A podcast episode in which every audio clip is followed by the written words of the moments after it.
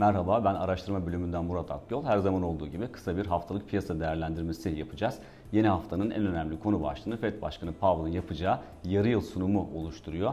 FED başkanları yarı yıl sunumlarında e, bugüne kadar atılan adımların genel bir değerlendirmesini yaptıkları gibi e, gelecek dönemlere ilişkin sinyaller de verebiliyorlar. E, tabii FED bugüne kadar verdiği mesajlarda destekleyici para politikasının uzun bir müddet daha devam edeceğine vurgu yaptığı için Fed'in duruşunda çok net bir değişiklik görmeyi beklememek gerekir. Ancak tahvil adımlarının seyrine ilişkin sinyal verebileceği için özellikle e, soru cevap kısmında FED Başkanı'nın e, büyümeye ve enflasyona yönelik görüşlerinin oldukça önemli olduğunu söyleyebiliriz. FED Başkanı e, çarşamba günü Temsilciler Meclisi'nde, perşembe günü ise Senato'da konuşacak. Ancak Senato'daki konuşma e, çok büyük ölçüde Temsilciler Meclisi'ndeki konuşmanın bir benzeri niteliğinde olacağı için çok önemli bir piyasa etkisi göstermesini beklememek gerekir. Yeni hafta aslında makroekonomik veri açısından da oldukça yoğun bir hafta ki bu hafta Amerika'da tüfe rakamı açıklanacak. Genel piyasa beklentisi tüfenin e, baz etkisinin hafiflemesinin de etkisiyle hafif de olsa aşağı yönlü bir eğilim sergileyeceği yönünde.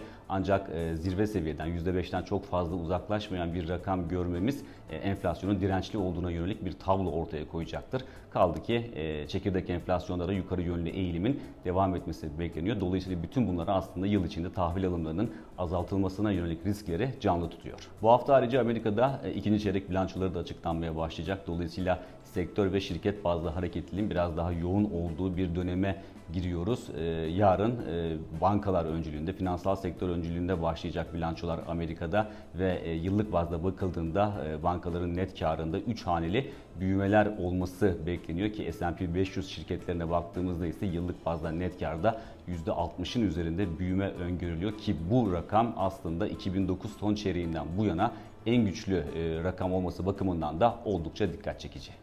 Yurt içinde ise bu hafta Merkez Bankası'nın gerçekleştireceği PPK toplantısını takip edeceğiz. Hatırlanacağı gibi enflasyon e, Haziran ayında piyasa beklentisini de aşarak %17.53 seviyesine ulaşmıştı yıllık bazda ki e, Merkez Bankası'nın yıl sonu hedefinin de üzerinde bir rakam görme ihtimalimiz oldukça yüksek görünüyor. Dolayısıyla bu şartlar altında Merkez Bankası'nın da daha önce verdiği mesajlara da paralel olarak e, faiz oranlarında herhangi bir değişikliğe gitmeyeceği tahmin ediliyor. Zamanı kazanca dönüştürmek için ünlü The izlemeye devam edin.